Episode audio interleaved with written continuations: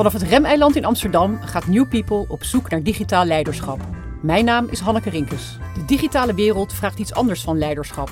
We leven in roerige tijden en de coronacrisis heeft de druk verder verhoogd. Afwachten is geen optie. Waarin verschilt digitaal leiderschap van leiderschap zoals we dat kennen? Waarom een andere naam hiervoor? In ieder geval niet omdat alles nu digitaal gaat. Want dan zou iedere leider een digitale leider zijn. In de reis van New People op zoek naar digitaal leiderschap spreek ik vandaag met Erik Jan Gelink. Erik Jan Gelink was interim manager en adviseur, leidde diverse commerciële teams en nu is hij sinds januari Chief Commercial and Marketing Officer bij Carnext.com. Erik Jan, heel fijn dat je vandaag eh, onze gast bent eh, in de studio op het Remeiland. Een vast onderdeel van onze podcast is um, de digitale dilemma's. Ik ga jou straks tien dilemma's voorleggen en aan jou om daar zo snel mogelijk tussen te kiezen. Leuk. Daar gaan we. Verstappen of Hamilton? Ja, Verstappen uiteraard. Nieuwe auto of tweedehands auto? Een tweedehands auto. Digitaal transformeren of digitaal beginnen? Digitaal transformeren. Bezitten of gebruiken? Um, nu nog bezitten. Feedback geven of feedback krijgen? Ik krijg het het liefst. Een sabbatical of te veel vakantiedagen overhouden? Nee, sabbatical nemen. Een verbinder of een facilitator? Ik ben een verbinder. Interim of vast? Interim. Swapfiets of CarNext? CarNext. Jezelf overbodig maken of jezelf nodig maken? Oeh, zelf overbodig maken als het kan. Oké, okay, top. Um, ik begrijp natuurlijk dat je Max Verstappen kiest boven Hamilton.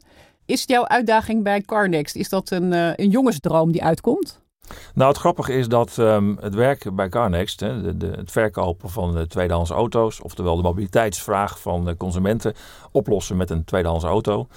Uh, die raakt wel uh, mijn passie voor auto's as such. Dus ik ben een enorme autofan, bezoek ook af en toe automusea, uh, Mercedes en, en Porsche en afgelopen jaar bekeken.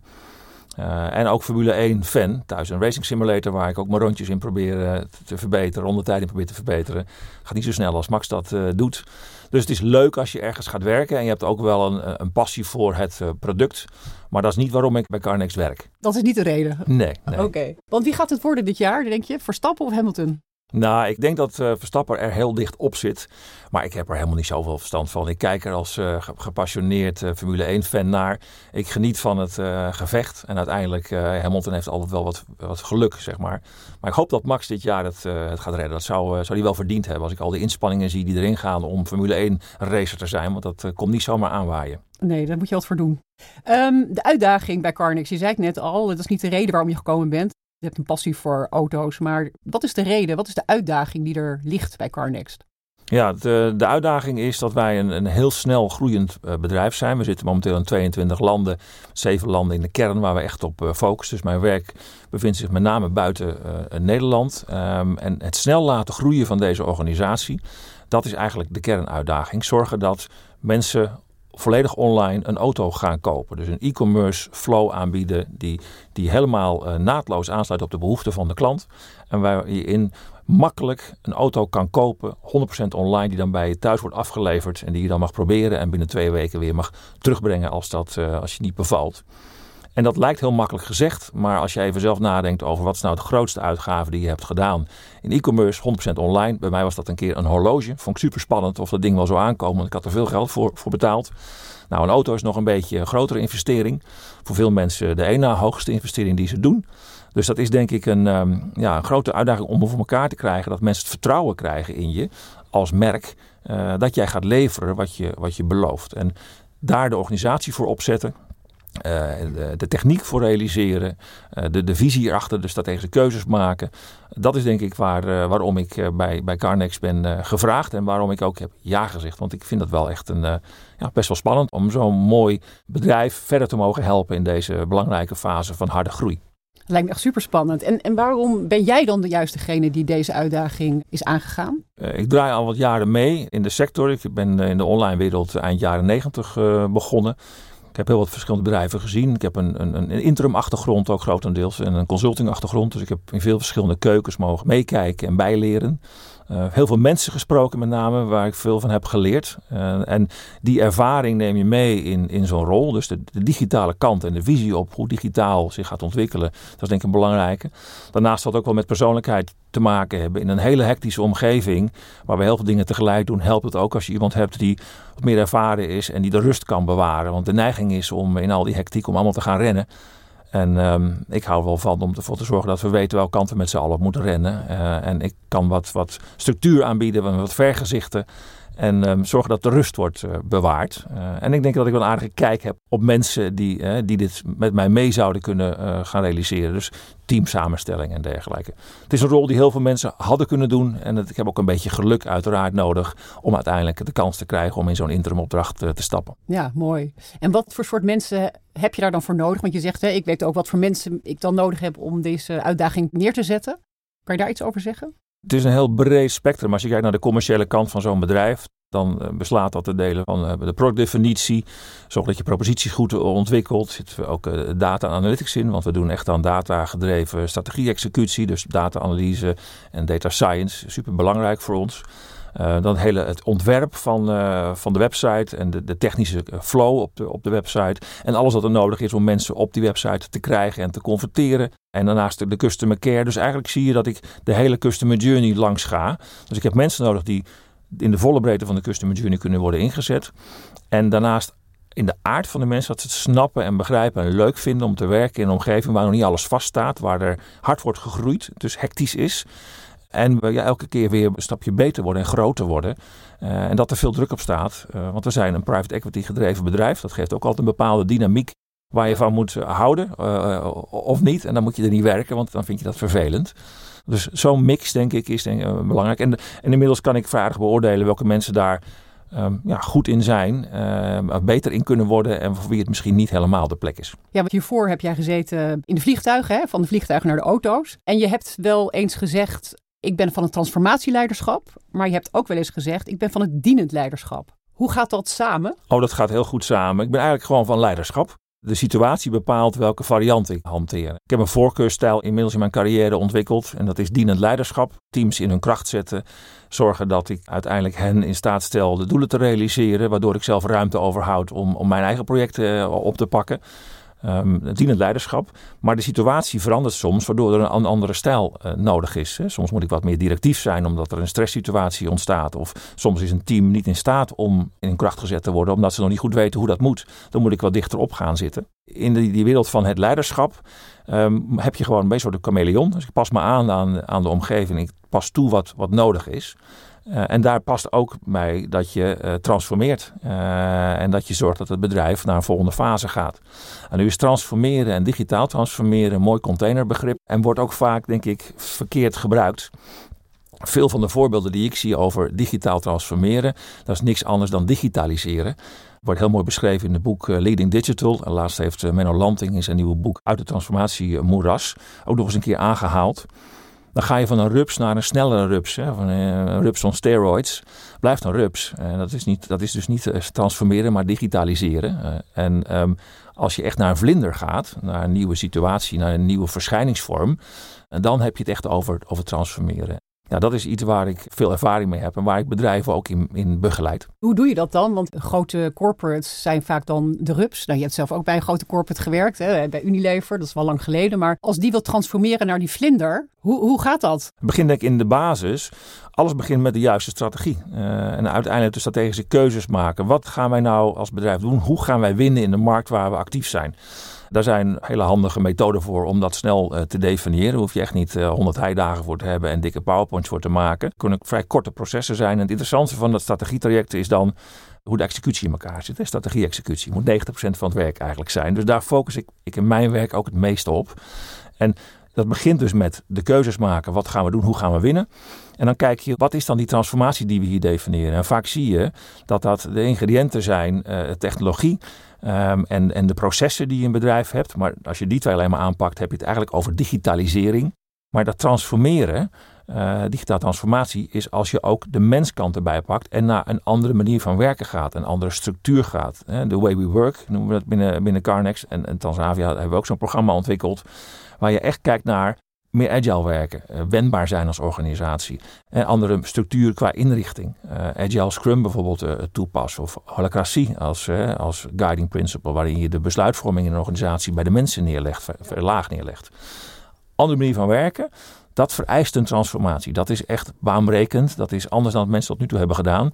Gaat een stap verder dan je proces of je technologie updaten. Dat klinkt allemaal heel mooi en inderdaad, de mensen moeten het uiteindelijk gaan doen. Maar hoe krijg je nu mensen die altijd hebben gewerkt in een bedrijf met een legacy naar waar je naartoe wil? En dan met een agile mindset? Het begint met dat je ze laat zien uh, waarom dat nodig is. Te vaak worden de veranderingstrajecten in bedrijven ingezet omdat dat ergens besloten is dat we gaan veranderen. En jullie moeten mee. En dat, dat verkoopt niet lekker. Dus het begint met dat vergezicht weer. Begin ik weer met de strategie en de keuzes die je maakt. En daar het strategieverhaal van maken. Wat is ons winnende verhaal?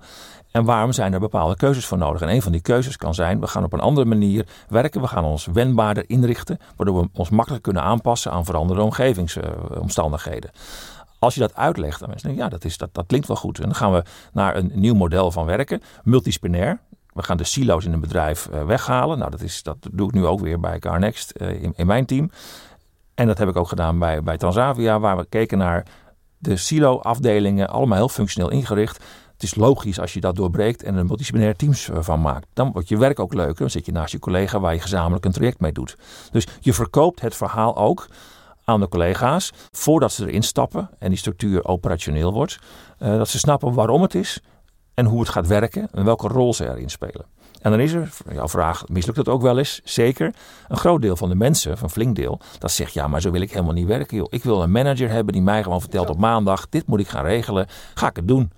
Nou, die hebben we uh, in, in de case bij Tanzavia geholpen een andere rol uh, te vinden. Die waren geen onderdeel van die nieuwe manier van ja, werken. Ja, ja. Dat is ook prima, want er is geen goed of fout uh, wat dat betreft.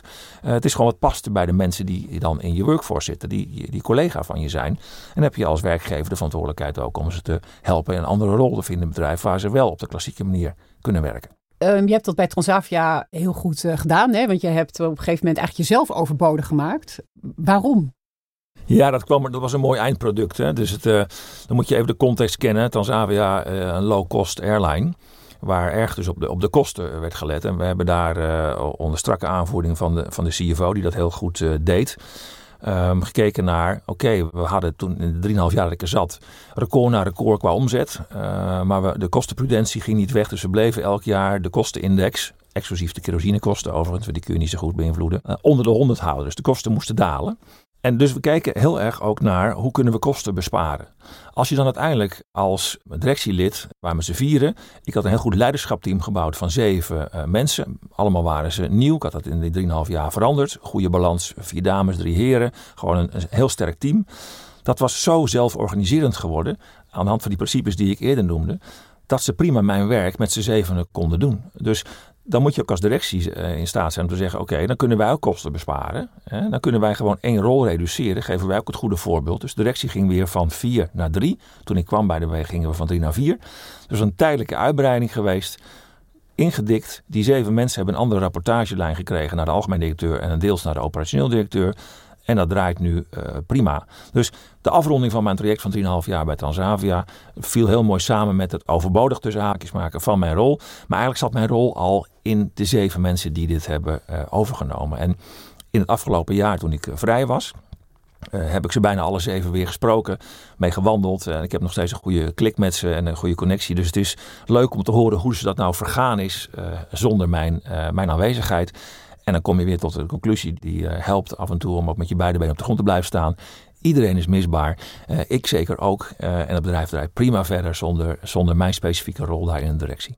Ja, want je zei net al heen in de digitale dilemma's overbodig maken of jezelf nodig maken. Mm -hmm. Zou je kunnen zeggen dat je jezelf eerst nodig hebt gemaakt en daarna overbodig hebt gemaakt? Als je naar het hele proces kijkt. Want het klinkt heel makkelijk hè, zoals je erover praat bij Transavia en hoe jullie dat gerealiseerd hebben. Maar ik kan me voorstellen dat dat best een proces is geweest. Ja, nodig. Ik vind nodig maken wel wat uh, misschien een beetje aanmatigend klinken. Want ik ben niet echt nodig. Ik denk dat ik vervangbaar ben, net zoals iedereen in het bedrijf door iemand anders. Dus, maar mijn vaardigheden waren dan op exact, dat moment ja, dat, nodig. Die waren nodig. Ja, nodig om een bepaalde stap uh, te zetten. En dat ging in dit geval echt om een transformatie. Want de hele commerciële kant van Transavia is echt anders ingericht en werkt echt fundamenteel anders. Daar hebben we een goede combinatie gemaakt uh, van de ingrediënten die ik, die ik eerder noemde. Ehm, en dan viel dat toevallig heel mooi samen met dat we het mooi zo konden afsluiten. En uh, niet elke rol sluit ik op deze manier af. Want er zijn ook genoeg bedrijven die het niet nodig vinden om een directie in te dikken. Uh, ik denk over dat het een heel goed voorbeeld is om zo te kijken. Want ik vind, vind veel directies vind ik heel uh, dik bevolkt, laten we het zo zeggen. Ik denk dat, er, dat je ook de, de lagen eronder veel meer in hun kracht kan zetten. En, en met wat minder mensen aan, aan, de, aan de spreekwoordelijke top kan zitten. Dus nou, dat zal per case verschillen. Ja, wat wij zien als wij naar bedrijven kijken die digitaal moeten transformeren, dan kan je eigenlijk grosweg drie fases onderscheiden. Hè. De eerste fase waar je nog die digitale capabilities in die silo aan het opbouwen bent. Die tweede fase dat je on- en offline echt gaat integreren, dus dat je naar omnichannel gaat. En die laatste fase, daar verlangen veel bedrijven naar, naar die data-driven, customer-centric organisatie uh, te transformeren. Wat zijn daar de kritische succesfactoren voor om dat nou echt te bereiken? Ik zie zoveel bedrijven daarmee worstelen. Ja. Wat is in jouw visie daar uh, het allergrootste belang? Ja, dat begint, hè, je zegt data-driven, dat is de basis. Dat betekent als eerste dat je goed overzicht moet hebben van de data. En, en die is vaak gefragmenteerd binnen bedrijven. Dus een goed data management platform waar al je data in zit, dat is één. Maar data is niet zoveel. Uh, dus daar zit een capability op die daarvoor nodig is uh, om daar inzichten uit te halen. Dus een goed team dat uit data inzichten kan destilleren is een belangrijke. En maar dat ben je ook nog niet. Want die inzichten zijn ook leuk. Maar wat is dan je actie die eraan verbindt? Dus ik zie heel veel bedrijven, veel data. Dat is prachtig. Veel succes ermee. Dan zie ik heel veel dashboarding. Ook leuk. Heb je het gevisualiseerd. Dan zijn mensen bezig met insights. Nou, dat is al een stukje beter. Maar dan de, daar uiteindelijke actieplannen op formuleren.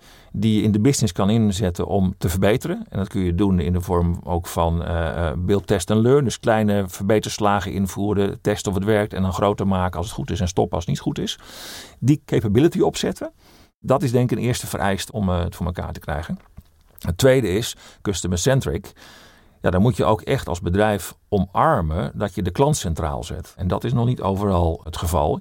Je ziet vaak dat bedrijven, zeker als je, als je heel snel groeit, uh, of je bent net startend en je bent alle ballen lucht aan houden, dat je erg gefocust bent op jezelf, op je eigen processen, op je eigen platform dat je aan het bouwen bent of je eigen teams die je aan het samenstellen bent en daarbij heel erg naar jezelf kijkt en vergeet dat je eigenlijk moet beginnen buiten het bedrijf.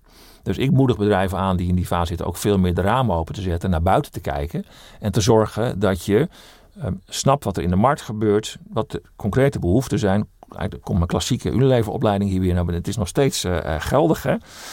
Uh, dat je begint met klantinzichten, die vertaalt naar uiteindelijk uh, de, de, opzet van je proposities en de structuur eromheen om de klant te bedienen. En de leidraad die ik eerder gaf als design principle customer journey is denk ik een hele prachtige om heel logisch en inzichtelijk voor iedereen te maken hoe je de klant centraal zet. Want het klantproces staat dan dus centraal. De klant zelf begint met hele goede kennis, data, inzichten en actieplannen op de verschillende stapjes in die customer journey. En dat is dan empowered door, gedreven door technologie die je helpt om uiteindelijk die propositie te leveren. Want die wordt steeds vaker in een digitale context online geleverd. Mooi, ja. Dit klinkt allemaal heel mooi. En ik denk dat heel veel bedrijven denken van, goh, dit zou ik heel graag willen, maar uh, ja, dat is nog best uh, lastig. Ik kan het makkelijk uitleggen omdat ik het vaak heb gedaan. Ja. Maar dat wil niet zeggen dat ik het makkelijk vind om het te realiseren. Hè. Dat moet je er goed bij beseffen. Uh, ik snap goed hoe het moet en ik heb het gedaan en ik heb de referenties.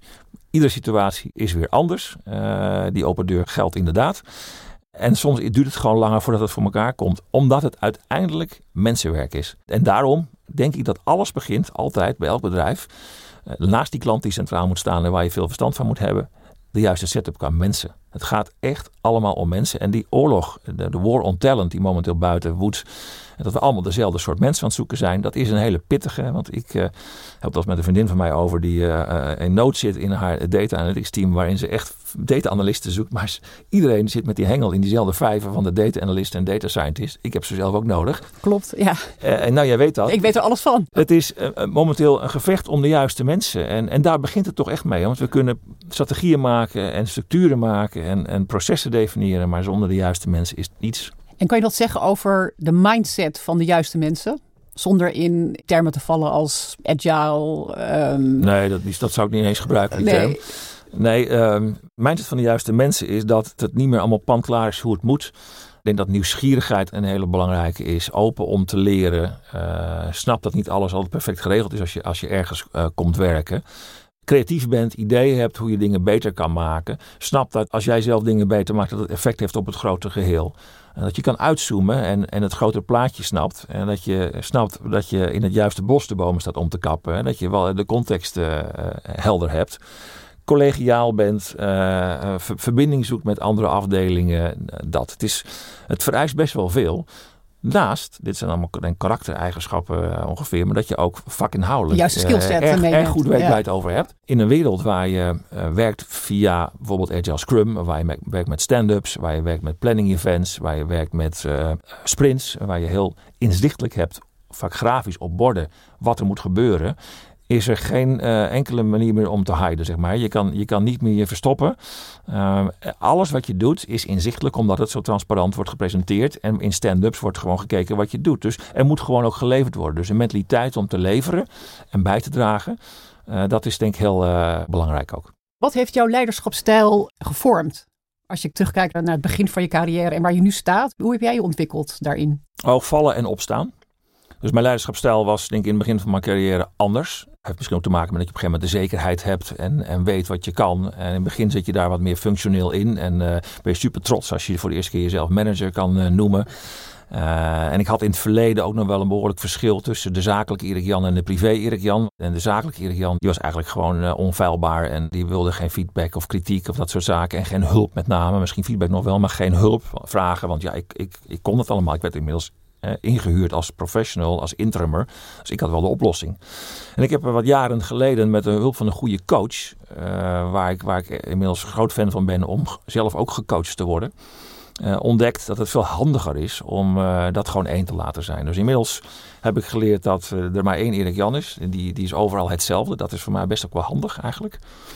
En dat dienend leiderschap mij het beste past. Mensen in hun kracht zetten, mensen ontwikkelen. Dus ik heb een oprechte interesse in mensen. Uh, in de breedste zin trouwens, ook de mensen privé om mij heen. En om ook soms een stap verder te helpen. Maar, uh, ik moet daarbij zeggen dat ik wel een heel streng oog heb op resultaten. Dus ik zit niet, uh, ben geen padvinderclub aan het bouwen. Er moet wel geleverd worden. En als er niet geleverd wordt, stap ik er harder in en steviger in. Uh, en niet dat het dan onplezierig wordt, maar dan zit ik wel wat dichter erop. Want we zijn in die end uh, bezig om resultaat te realiseren als organisatie. Dus dat is even de, de, de, de comment die ik er toch zeker bij moet uh, maken. Maar um, zo heeft mijn leiderschapsstijl zich eigenlijk ontwikkeld. En die is dus nu zeer situationeel, zoals ik eerder zei. En de omgeving en de situatie bepaalt wat ik aan moet zetten. En wie is jouw grootste inspiratiebron daarvoor geweest, als je die al hebt? Behalve je coach, die je net uh, even hebt genoemd? Nou, dat, weet je, ik heb heel veel voorbeelden gekregen uh, om mij heen van mijn collega's. Uh, hoe het wel moet en hoe het niet moet. Ik, vind het niet leuk om daar namen bij te noemen. Um, maar sommigen weten het wel als ze dit terug horen. Ik heb aan sommigen heel veel gehad die mij een spiegel hebben voorgehouden. En daar dat ben ik dankbaar voor. En anderen ben ik uh, ook dankbaar omdat ze mij hebben getoond hoe het niet moet. En hoe je heel slecht leiderschap, toont in een organisatie. En wat dat voor destructief effect heeft op de mensen in een organisatie. Uh, en van hen heb ik de lessen geleerd, die heb ik tot mij genomen. En daar heb ik mijn eigen uh, mix van gemaakt. En er is geen goed of fout, denk ik, in leiderschap. Het is wat past er bij je. Eén, komt het natuurlijk wat je doet? En tweede is, past het bij de omgeving waar je in wordt gezet? In een bedrijf waar ik nu zit met private equity erachter en waar resultaten moeten worden gehaald, helpt het dat je erg resultaatgericht bent. Maar het blijft in die end een club van mensen die moeten samenwerken. Dus de verbindende kant en de kant om mensen in de kracht te zetten, die helpt ermee om de resultaten te halen. Dus ik stuur eigenlijk zonder te sturen. En ik ben bezig heel erg met de focus op resultaat, maar doe het op een manier die middels mensen gaat, met mensen gaat, in plaats van heel directief uh, ten koste van soms mensen. Dat is niet mijn, uh, mijn stijl. Je koos net ook voor verbinder en niet voor facilitator. Ja. Dus die menskant, die verbindingskant is. Uh... Ja, terwijl het voor mij niet echt een dilemma is, hè, want ik kan heel verbindend faciliteren. En misschien faciliteer ik wel de verbinding eigenlijk als je kijkt naar mijn werk. Dat zijn de dilemma's waar je dan even uh, op reageert. En ja, uh, het staat dichter bij mij. Maar het, eigenlijk is faciliterend leiderschap. Eigenlijk gaat het samen. Ja, ja. situationeel leiderschap, faciliterend leiderschap. What's in a name? Um, het is gewoon kijken wat de situatie nodig heeft. De situatie bij Transavia die heeft ervoor gezorgd dat jij jezelf overbodig hebt gemaakt. Uh, jullie zijn echt toen destijds naar een customer-centric, data-driven organisatie uh, getransformeerd. Is dat wat je ook gaat doen bij CarNext? Jezelf overbodig maken? Nou, dat weet ik niet. Wat ik wel probeer te doen is te kijken naar hoe kan ik de silo's weer doorbreken. dus het is, Zijn die er al dan? ja, natuurlijk. Het is natuurlijk een, een, bedrijf dat voortkomt uit een veel groter bedrijf. Een business unit is die vrij veel silo's heeft. En daar is altijd een optimalisatie te maken. En wat dat betreft helpt het als je nieuwe ogen binnenhaalt met een ervaring uit andere branches. Geloof ik ook altijd erg in. Dat je vers bloed binnenhaalt met uh, frisse kijk op zaken. En een van de logische dingen overigens, dat is zo oud als de weg naar Rome. Hè, uh, zorgen dat je de silo's opheft. Want ik geloof mijn eerste project waarin ik multidisciplinair ging werken. En dat zeg maar, heb toegepast op de organisatie was ook in 2000 of zo. Dus het is zo oud als de weg naar Rome. Het heet nu anders. Uh, het is oude wijn in nieuwe zakken. Het heeft hippere termen gekregen, maar in de kern is er niets anders. Kijk naar processen binnen het bedrijf of kijk naar een customer journey en zorg ervoor dat mensen zich organiseren langs zo'n guiding principle. Dus langs een, een organisatiemiddel als een journey of een proces. En dat ze elkaar keurig netjes opvolgen. Waardoor je ook snapt in de keten dat er mensen voor je en na je zitten. Waar je af en toe eens naar moet kijken als je iets aan het, aan het leveren bent in een bedrijf. Dus het uitzoomen en het over, overall eh, plaatje bekijken. Dat is ook wat ik graag mijn teams bijbreng. Dus ja, ik ga wel weer zo'nzelfde traject in. Maar er is dan nog zoveel ander werk te doen. Dus het is, een, uh, het is af en toe kiezen waar ik uh, zal gaan beginnen. Want het is hectischer dan dat ik uh, gewend ben, zeg maar. Nog hectischer dan je gewend ja, bent? Ja, Oké. ja, en dat is wel geen dat mij aantrekt overigens. Ja, ja, ja precies. Ja. Um, je gaf heel duidelijk aan interim of vast. Hè? Zei je interim? Ja, ik moest kiezen van jou. Ja, je moest zeker kiezen. En waarom koos je voor interim? Nou, omdat um, het, het, maakt mij niet uit, is eigenlijk het antwoord. Al mijn um, verbanden bij bedrijf, al mijn verbindingen met bedrijven zijn denk ik interim, omdat ik er nooit heel erg lang zit. Uh, het langste was Unilever vijf jaar en bij Transavia drieënhalf jaar. Dus in die zin ben ik niet iemand die een corporate carrière doorloopt bij één bedrijf. Dus eigenlijk kun je al mijn werk wel beschouwen als tijdelijke opdrachten. Uh, tegenwoordig doe ik ze graag ook wel wat langer dan een jaartje. Maar dat maakt me eigenlijk niet zo heel veel uit. Het gaat er op, op enig moment om dat je je waarde hebt toegevoegd. En dan is de vraag, is er dan nog uh, genoeg te doen om, om te blijven? En dat is iets wat je wederzijds uh, bekijkt.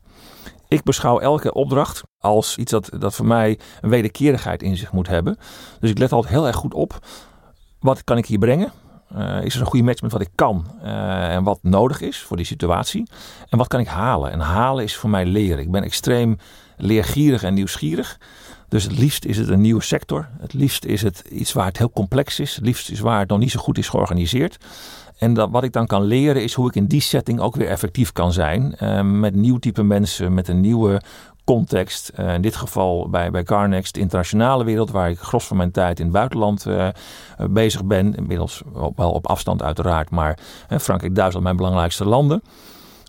private equity gedreven was ook weer een nieuwe dynamiek om er zo dicht op te zitten. Um, dat totaal nieuwe sector. Dat is dan wat ik haal. Dus die, die reciprociteit vind ik, vind ik belangrijk. En dat doe je voor de tijd zolang als uh, je, je vindt dat die balans goed is van het halen en het, en het brengen. Dat is eigenlijk de rode draad in jouw carrière, als je het dan zo hoort. Hè? Ergens aan beginnen, resultaat halen met elkaar en dan jezelf overbodig maken. Nou ja, overbodig maken of gewoon vaststellen samen. Er is nu voldoende toegevoegd, Erik Jan. Dank je wel. Uh, en je kan weer door. En dat vind ik altijd heerlijke momenten. Want dan kan ik weer me wat focussen op wat, uh, wat nieuws. En dat kan dus gerust 3,5 jaar zijn of 5 jaar zijn. Uh, maar ook één jaar zijn. En dat maakt me niet heel veel uit. Je voelt ergens dat er een natuurlijk moment komt waarop dat... Ik denk dat dat een gezonde instelling is. Ik moedig ook als mensen aan die al heel lang ergens zitten om eens een keer wat verder te kijken. Want er, er zijn nog zoveel mooie dingen te leren. Dat natuurlijke moment, wel mooi. Je, je gaf net ook aan die, die sabbatical. Hè? Dat is voor jou heel belangrijk. Een aantal keer heb je een sabbatical genomen. Wat, wat brengt dat jou? Ja, het is een bewuste keuze. En uh, ook hier weer geldt, het is mijn keuze. Ik, niet dat ik, dat ik nou vind dat iedereen sabbaticals zou moeten nemen. Maar het helpt mij om de balans te vinden in een heel drukke uh, carrière. Uh, en, en, en mijn privéleven, dat ik ook heel, heel belangrijk vind. ik geloof niet zo heel erg in van het leven gaan genieten als ik met pensioen ga. Ik heb te veel voorbeelden. Misschien is dat ook wel een driver geweest van mensen die vroegtijdig zijn, zijn overleden, ook in mijn familie. en mensen die met pensioen gingen en na een jaar omvielen. Dus ik ben erg van het hier en nu. Uh, en van nu al, van mijn prepensioen, moet ik dat af en toe genieten. Mijn eerste uh, sabbatical was 2002. Had ik een jaar uit mijn agenda gestreept. Ik had toen net ook een, wat aandelen in een start-up verkocht, dus ik had de ruimte ervoor. In die tijd doe je reflectie. En niet al die sabbaticals waren overigens een jaar, sommige maar drie maanden of, of een half jaar. nou, inderdaad zo'n vijf, zes keer nu gedaan.